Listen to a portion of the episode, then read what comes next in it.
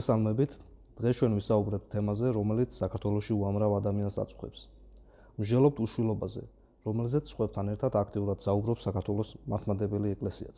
ეკლესია ერთი მხრივ მოუწოდებს ოჯახებს და განსაკუთრებით ქალებს იყოლიონ შვილები, ხოლო მეორე მხრივ ეწინააღმდეგება შვილის სკოლას სხვადასხვა სამედიცინო გზებით. დღეს ჩვენი სტუმარია ილიას სახელმწიფო უნივერსიტეტის პროფესორი ელენე გავაშელიშვილი, რომელიც უშუალოდ იკვლევდა ამ საკითხს. ელენეს ნაშრომის ათაურია უშვილო ქალები საქართველოში რელიგიურ აკრძალვებსა და სამედიცინო შესაძლებლობებს შორის. მოგესალმებით ელენე, დიდი მადლობა რომ დღეს ჩვენი სტუმარი ბრძანდებით. პირველ კითხვას დაგისვამთ, როგორია საქართველოს მართლმადიდებელი ეკლესიის ოფიციალური პოზიცია ქალის სოციალური როლის შესახებ თანამედროვე საქართველოსში და რამდენად უკავშირდება ეს შეხედულება დედობის საკითხს? დიდი მადლობა, მეც მოგესალმებით. მიხარია რომ თქვენი სტუმარი ვარ. აა რაც შეეხება თქვენ კითხვას, შემიძლია გითხრათ, რომ პირველ რიგში ჩემი ინტერესი საგანი იყო თვითონ ეს ქალის როლი, ანუ ერთ-ერთი ჩემი დისერტაციის ერთ-ერთი თავი ეხება ამ საკითხს. და დღესდღეობით მართლმადიდებლური ეკლესია არის ზუსტად ის ინსტიტუტი, რომელიც ქალის როგორც დედის იდეის რეპრეზენტაციას ახდენს ყველაზე უფრო ინტენსიურად. დიახ. და ეს გამოვლინდება როგორც პატრიარქის ეპისტოლეებში, ასევე სხვადასხვა სასულიერო პირების ქადაგებებში, ვიდეო მიმართვებში, ინტერვიუებში და ასე შემდეგ. ანუ ადვილად დასაკვირვებელი და მოსახელთებელი ტენდენცია. და ანუ აქ რა შეიძლება ითქვას, რომ პრინციპში გამოდის, რომ ცოტა გარიყულები ხდებიან ის ქალები, რომლებიც ამ როლს ვერ ერგებიან. ან მაგალითად სურვილი არ აქვთ, რომ გათხოვდნენ და მერე გახდნენ დედები, ან უბრალოდ რაღაცა სამედიცინო მიზეზების გამო ვერ ვერ ხდებიან დედები. იმიტომ რომ მიმართვა, ანუ ვის მიმართავენ ეს ტექსტები, ან ისინი რაღაც ინტერვიუების ასულიერო პირების, ესენი არიან ქალები, რომლებიც აი ნორმატიულ გზას გადიან, ხო? პირველ რიგში უნდა გათხოვდნენ, ანუ ეს არის პირველი საფეხური. და მეორე საფეხური არის, რომ აუცილებლად უნდა გააჩინონ შვილი. ნუ მესამე საფეხური შეიძლება იყოს უკვე ის რჩევები, როგორი უნდა იყოს მშობელი და და მშობელი ძირთად ესეთია. ანუ აქვს სქესი, ძირითადად მიმართვა არის ქალის მიმართ და თუ რაიმე ახალი თაობის კრიტიკას ვაწყდებით ამ შემთხვევაში, დედებს ევალებათ ხოლმე, რომ ეს სად არიან დედები და დედების როლის გამოკვეთა ხდება, იშვიათად არიან ხოლმე დადანაშაულებული მამები. რა თქმა უნდა, თუ რამე ხდება, სად იყო დედა შენი? კი, ეს ჩანს. ვიცით რომ საქართველოს მართლმადიდებელი ეკლესია დიდ ყურადღებას უთმობს დემოგრაფიულ საკითხებს. რა მიაჩნია ამ პრობლემის მოგვარების გზად ეკლესიას თქვენი კვლევის თანახმად და თუ ფიგურირებს ამ მოგვარების გზებს შორის დამხმარე რეპროდუქციული ტექნოლოგიების გამოყენება? დიახ, ესე იგი რაც შეეხება ეკლესიის დამოკიდებულებას დემოგრაფიული მდგომარეობის მიმართ, აა ნამდვილად ესეც უამრავ წყარო არის, სადაც ხედავთ, რომ ეკლესია არის დაინტერესებული ამ პრობლემით. ხშირად აქცენტს აკეთებს იმაზე, რომ ქვეყანაში მძიმე დემოგრაფიული მდგომარეობა და პრინციპში რაღაცა გარკვეული ინიციატივებიც აქვს გამოჩენილი. შეხვედრებსაც აწყობს მათ შორის. შეხვედრებსაც აწყობს, კი, აი მაგალითად სინოდის ოქმები რო წაიკითხოთ, ზოგჯერ არის რომ ეს დემოგრაფიის საკითხით დაინტერესებული ექსპერტებიც ესწრებიან და ანუ რაღაცა ჰიბრიდული გახდა ეს ამბავი, იმიტომ რომ ან ის ადამ დემოგრაფების რაღაც ბუკლეტებში გვხვდება თქვა პატრიარქის რაღაცა სიტყვები, ციტირება, ეს სფეროები რაღაცა გამიჯნული თითქოს არ არის. აა ინიციატივები ყველაზე ესეთი მე მგონი ყოველთვის ცნობილი არის ეს პატრიარქის 2007 წელს გამოჩენილი ინიციატივა მესამე ბავშვის მონათლასთან დაკავშირებით. დღემდე გრძელდება უკვე ძალიან ბევრი სერია გამართა ამ ნათლობების და უამრავი ადამიანი ესწრება ხოლმე ამ ნათლობებს, ძალიან მოთხოვნადია. კი, კი.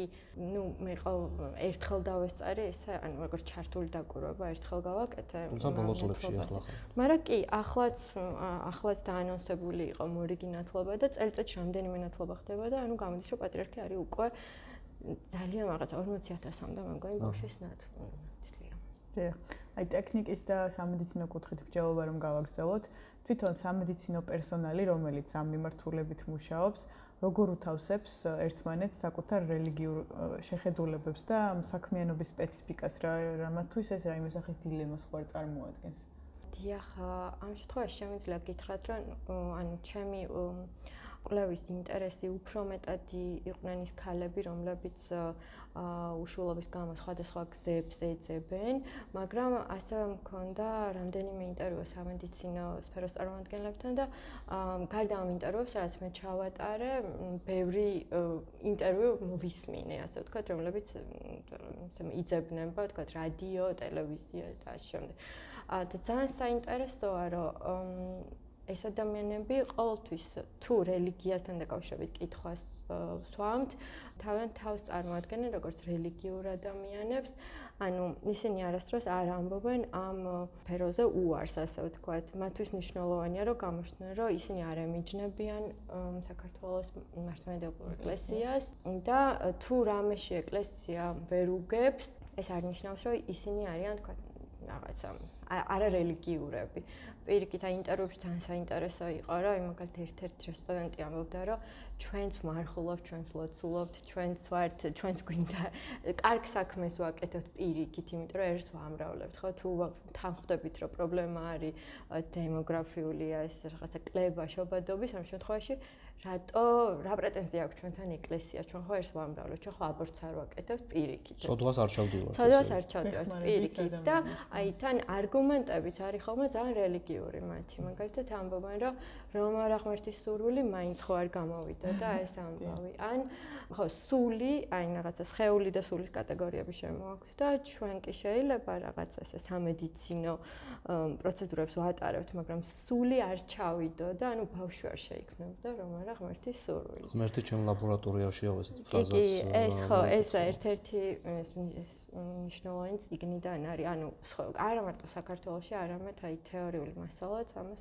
ასაბუთებს, რომ ადამიანები, რომლებიც ძალიან თანამედროვე იმას აკეთებენ, ხო, აი ამ რეპროდუქციულ ტექნოლოგიებში ჩართულები, მაინც მათთვის მნიშვნელოვანია კიდე რაღაც ზებუნებრივი ძალების მოხმობა, რადგან ასხობსგებლობა ძალიან დიდია. და აქ არის საინტერესო, რომ ანუ ამ შემთხვევაში როცა ღმერთი შემოყავთ, ასე ვთქვათ, თავად ლაბორატორიაში, თავად მსჯელობაში, მხოლოდ მათი დამსახურება არ არის ხოლმე, რომ გამოვიდა საქმე, ანუ დადებითი შედეგი დადგა. მაგრამ მეორე მხრივ თუ არ ხერხდება, რა აი რაღაც ანუ სასურველი შედეგის მიღება, მხოლოდ მათი ბრალიც არასდროს არ არის, ხო? და ანუ ღმერთთან გაზიარებული აქვს ეს პასუხისმგებლობა. აჰა. უშუალობის მოგვარების გზებზე რომ გადავიდეთ, უშუალოდ ცნობილია რომ არსებობს გარკვეული რელიგიური სიმბოლოები, რომლებიც უშუალობის შემწედ მიიჩნევა. რამდენად მრავალია ასეთი ეკლესიები თუ პილიგრიმული ტრადიციები ჩვენთან საქართველოში და ეს მომლოცველობის ტრადიცია ოდნავ რომ აგვიღწეროთ, როგორ მიმდინარეობს ეს პროცესი? დიახ, ეს საინტერესოა, იმიტომ რომ ხშირად წარმოქმნილი, ანუ ხშირად ისე წარმოქმნილი არის, რომ ეს სხვადასხვა რიტუალებში ჩართულობა ოფიციალური ეკლესიის პოზიციას თითქოს უნდა ემიჯნებოდეს, მაგრამ აი ამ კულტებზე დაკვირვებამ ცხადყო, რომ ძალიან კარგად არის გაერთიანებული მოკლედ ერთმანეთთან. ანუ ეკლესია ამბობს, რომ მე არ ვარ მომხრე თანამედროვე რეპროდუქციული ტექნოლოგიების, ეკლესია ამბობს, რომ აი რამდენიმე რაღაცას ამბობს ხო? ერთი რომ ძალიან დიდი ბედნიერებაა შვილიერება მეორე იმას ამბობს რომ ყველა ქალი ანუ ქალი მაშინ არის ანუ ესე ესე გამოდის პრინციპში რომ აი შემდგარი სრულყოფილი თუ დედა. მაგრამ ამას ამასთანავე ამბობს რომ თუ ბუნებრივი გზით არ გვეძლევა შვილი ჩვენ უნდა შევაგუოთ ამ ესე იგი ღმერთი გვანიშნებს. მაგრამ ამავდროულად გამოდის, რომ გარდა სამედიცინოსი და თავის რელიგიურ გზებს თავაზობს, ასე ვთქვათ, მომხმარებლებს. და ეს გზები, ანუ ძალიან ბევრი რამეა, უბრალოდ მე ყველა ეს რიტუალი არ მიკვლევია, მაგრამ რამდენიმე მიმართულება გამოიკვეთა. კულტები, რომლებიც უფრო წყალზე წყალს თა ეს არის ხო შეთავაზება, რომ წმინდა წყალი, მაგალითად ბოდბის ბოდბეში არის ეს საშუალება, რაღაც აუზი, სადაც შეიძლება ნებისმიერი გასაჭირში მქონე ადამიანები ჩავიდნენ და ისურვონ, რომ განიკურნონ. მაგრამ ერთ-ერთი ძირთად მიმართულება ეს უშულობა. საყელი იყო რაღაც. კი, აი ეს ის ძალიან საინტერესოა, დირბის მონასტერში არის უშვილოთათვის განკუთვნილი კომპლექტი იყიდება, სადაც ყველაზე მნიშვნელოვანი კომპონენტი არის ღვთისმშობლის სარტყელი. და ანუ ეს ფრესკა მოხდა მონასტრის რეაბილიტაცია და წერში არის ფრესკა ორსული მარიამის, რაც არის ძალიან ესეთი იშვიათი მართლმადიდებლურ სამყაროში და რაღაც ამ ფრესკაზე აგებული, ასე ვთქვათ, ამ მონასტრის საქმიანობა. და წყვილი ორივე ქალსაც და კაცსაც ევალება, რომ ეს არტყელი ეკეთოს. სანამ ბავშვი არ გაშდება და ხო ნუ სხვა სხვადასხვა ადამიანები სხვადასხვა მიმართებას ინარჩუნებენ ამ სარტყელთან ზოგი ამბობს რომ რომ დავორსულდი მაინც მეკეთა მთელი 9 თვე იმიტომ რომ ესე მეგონა რომ უფრო ვიცავდი ამ ბავშვს და აა ასე შემდეგ. საინტერესო არის რომ ეს დირბის მონასტერი თავის Facebook გვერდიც აქვს და აქვეყნებენ მომხმარებლების წარმატებულ ისტორიებს. წარმატებულ ისტორიებს, ხო და ძალიან კი, კი, ძალიან საინტერესოა თვითონ ეს სამედიცინო კლინიკებიც აქვეყნებენ ესეთ ისტორიებს, ანუ პრინციპში ბაზარზე რაღაცნაირად, კი, იმიტომ რომ თვითონ ეს ვინ შეიძლება იყოს მომხმარებლები, მომხმარებლებსაც აინტერესებთ ასე ვქოთ, ის რაღაცა customer reviews ხო, მომაძიებელი აი ხო, წარმატებული შემთხვევები ვინ ვინ როგორ აქებს ამა თუ იმ გზას მოკლედ და ვის გაუმართლა და რამდენია ეს ადამიანი ვის გაუმართლა.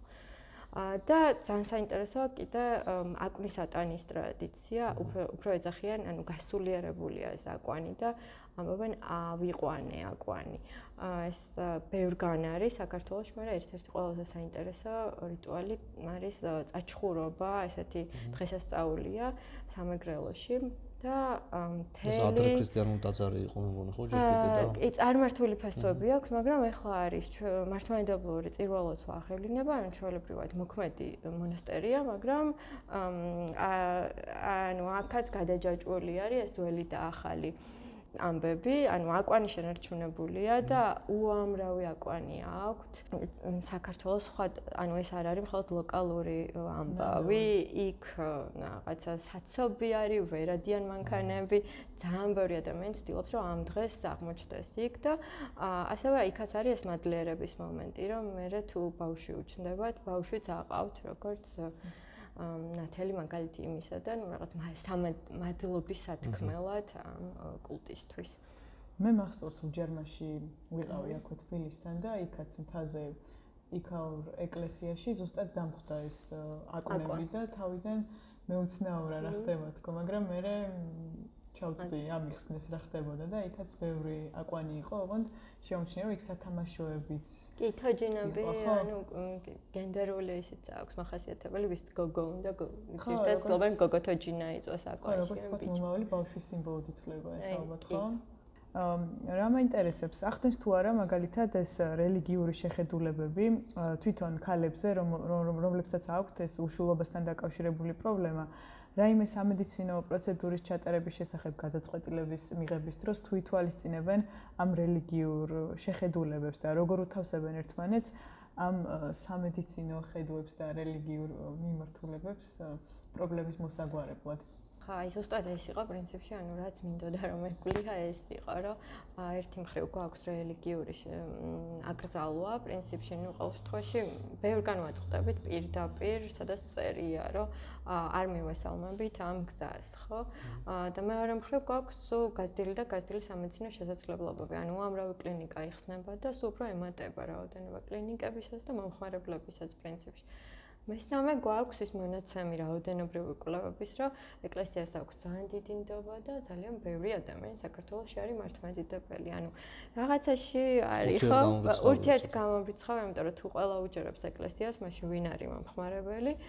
და გამოდის, რომ თლად ესე ყოველდღიურ ცხოვრებაში გადმოტანილი ეკლესიური აკრძალვა შეიძლება იყოს უკვე გადათარგმნილი ჩვენს ინტერესების გათვალისწინებით. და ასეც აღმოჩნდა, ანუ ინტერვიუებში ეს ადამიანები არ ხედავენ ესეთ შეუთავსებლობას, როგორიც შეიძლება დავინახოთ ჩვენ ეს ერთი შეხედვით. კი, თან მათ მათ ამბებში, ასე ვთქვათ, რასაც ყვებიან, იქ არ ჩანან ესეთი ხისტი პოზიციის მქონე სასულიერო პირები, ესეც ძალიან საინტერესოა, იმიტომ რომ ამბობ რომ ნუ კაი აი ამ სასულიერო პირმა ერთ-ერთმა ვისთანაც მქონდა შეხება მითხრა რომ არ გინდა, არ გამოიყენო ეს გზა, მერე წავედი სხვასთან. მერე ვიღაც ვიპოვა, ვინც თქვა რომ ნუ არაუშო. ხო, ანუ აი უფრო სასურველ პასუხამდე სანამ არ მივლენ, დადიან. თან ეს სურვილი იმდენად დიდია და ამ სურვილის გაღვევაში პირველ ყოვლისა ისევ ეკლესიას მიუძღვის წვლილი, რომ ეს სურვილი იმდენად დიდია, რომ გახდნენ დედები, რომ ყველა გზას მოიხმობენ და ამიტომ ეს ლეგიტიმური კითხვა საკმაოდ რომ ხო არიან ალბათ ისეთი ადამიანები, რომლებიც ეკლესიის პოზიციას გაითვალისწინებენ და არ მიმართავენ სამედიცინო გზას. ალბათ, მაგრამ ჩემ რესპონდენტებში არ ყოფილან ესეთი ადამიანები. მაგალითად, ერთ-ერთი იყო, რომელიც რომელიც საბოლოო ჯამში მე შვილი აიყვანა და სხვა გზას მიმართა, ასე ვთქვათ, მაგრამ მანამდე ეცადა, რომ გაიკეთებინა იმით, რომ განაყოფიერებო. უბრალოდ ეს აღმოჩნდა წარუმატებელი და მას შემდეგ ამბობს, რომ ის სწორი იყო ის მღვდელი, ვინც მითხრა, რომ არ გაიკეთებო, მაგრამ იმ მღვდლის პოზიციას მისთვის არ შეუშლია ხელი, რომ ეს მაინც ეცადა და ნუ ეს თვალსაჩინო იყო მის ამბავში. ასე რომ არ ვიცი, რა თქმა უნდა, იარსებენ ესეთი ადამიანები, რომლებიც მაინც ამის გათვალისწინებით თავს არიდებენ სამედიცინო სფეროს, მაგრამ როგორც უკვე ვთქვი, ამ ამბებში ესეთი ესეთი კონფლიქტური არ არის ეს პოზიციები, ანუ შეთავსებას კარგად ახერხებენ. დიახ, თან თუ სურვილი დიდია. სურვილი იმდანაც დიდია, დიახ, და თანაც მე ძალიან საინტერესოა, რომ უკვე აი ანუ ან სუროგაციიდან დონაციით ნებისმიერ ესეთი გზით გაჩენილი ბავშვი მაინც იმისთვის რომ უფრო ნორმატიულ იმაში ჩა სამყაროში ესე იგი მოხდეს მე ძალიან დიდ ნათლობებს უკეთებენ. რელიგიურად ძდიან ზიარებები და ამ შემდეგ და უფრო მეტად ეს ხდის უფრო თავდაჯერებულს რომ შენი გზა სწორია და შენ ზუსტადაც რომ კონფლიქტში კი არ ხარ იმ დომინანტური ინსტიტუციასთან პირიქით აი იმას აკეთებ რაც მას უნდა თქვენ თქვით რომ სასულიერო პირები ზოგჯერ არ არიან ისეთი რადიკალურები, როგორც თქვა საჯაროდ მათი გამოსვლების დროს ეს შეიძლება იმითაც იყოს გამოწვეული რომ ეკლესიის პოლიტიკური პოზიციონერების ნაწილი იყოს დედების ამგვარ ფუნქციური განსაზღვრა. მაგალითად 2014 წლის პატრიარქის ეპისტოლემ საკმაოდ დიდი უკმაყოფილება და რეაქციები გამოიწვია საზოგადოებაში, რაც უკავშირდებოდა ხელოვნურ განაყოფიერებას. თქვენი რესპონდენტებს როგორი რეაქცია ჰქონდათ ამასთან დაკავშირებით და ისინიც მიიჩნევდნენ თუ ამტკივნეულად ამ გამოსვლას. აა ეს კი 2014 ჩემი კვლევა ჩატარდა ცოტა უფრო მოგვიანებით, ანუ 2014 წელი უკვე ჩავლილი იყო. ზუსტად ერთ-ერთი ამის გამოც დავინტერესდი, რომ ეს იყო ძალიან ხისტი პოზიცია და ნუ ამაზე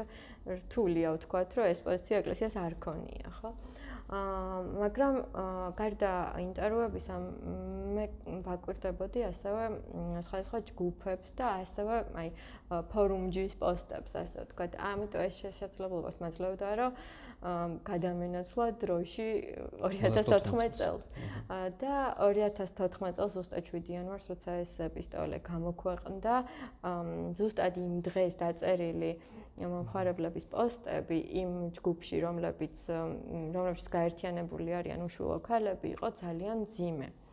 ეხლა რატომ აინტერესებდა ეს დროში გადასვლა, იმიტომ რომ ეხლა ვეკითხებით ადამიანებს იმის შესახებ, რაც იყო რამდენიმე წლის წინ, უფრო რთულია გვიპასუხონ რა იყო მათი რეაქცია და ეს რაღაც წუხილი, შეშფოთება, ზოგი ტირო და ანუ ესე ასახავდნენ თავიანთ ემოციებს, რომ ზოგი წერდა, რომ აი ხავ ტირი ეს რა წავიკითხე, რატო წავიკითხე რა ხალხო დამამშვიდა და დამაწყნარა და ერთმანეთს აწყნარებდნენ. ძალიან ძიმე მოსასმენია რელიგიური ადამიანის ეს პოზიცია, ნო. დიახ, მაგრამ მანდაც ჩანდა როგორ ეცებენ გამოსავალს და სხვა სხვა გამოსავალი იყო, რომ ალბათ პატრიარქს შეეშალან, ეს პატრიარქს დაწერილი არ იქნება. ან პატრიარქი შეიძლება რუსულად წერდა და ქართულად რო თარგმნეს რაღაცა არასწორად დაწერეს. ანუ იქაც ცდილობდნენ რომ აი აერიდებინათ მოკლედ ეს პოზიცია. ან კრიტიკაც იყო, რომ ნუ მაგათმა მიხედონ საკუთარ საქმეს და ჩვენ თავარია რომ ღმერთი ჩვენკენ არის. აი ეს არის მნიშვნელოვანი, რომ შეიძლება გავბრაზდეთ ყველაზე, მაგრამ ღმერთი ხო არ მიგვეტყოს და ღმერთი ამ პროცესის მონაწილეა. ასე შეერათ ამ ადამიანებს და ნუ ძალიან დასაფასებელია, რა თქმა უნდა, მათი პოზიცია. დიახ.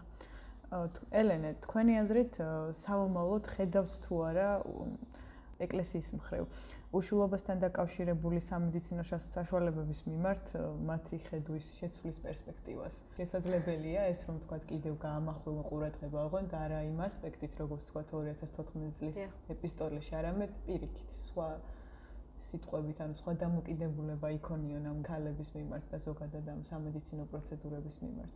არ ვიცი, არაფერს არ გამავრიცხავ პრინციპში, იმიტომ რომ ფაქტია, რომ ეს სფერო უფრო და უფრო გამვითარდება, ხო, გულისხმობს სამედიცინო შესაძლებლობებს და ამიტომ ეკლესიასაც მოუწევს კიდე ალბათ მრავალჯერ რაღაც პოზიციის დაფიქსირება. ნუ იმედია, რომ იქნება უფრო გახსნილი და უფრო შეეცდება გადახედოს პოზიციებს, რადგან ისინი უნდა აცნობიერებდნენ, რომ მათი მრევლიც ყველაფრის მომხმარებელია, ხო? და ასეთი ადამიანების რაოდენობა იზრდება თან წლების განმავლობაში. ასეთი ადამიანების რაოდენობა იზრდება ნამდვილად.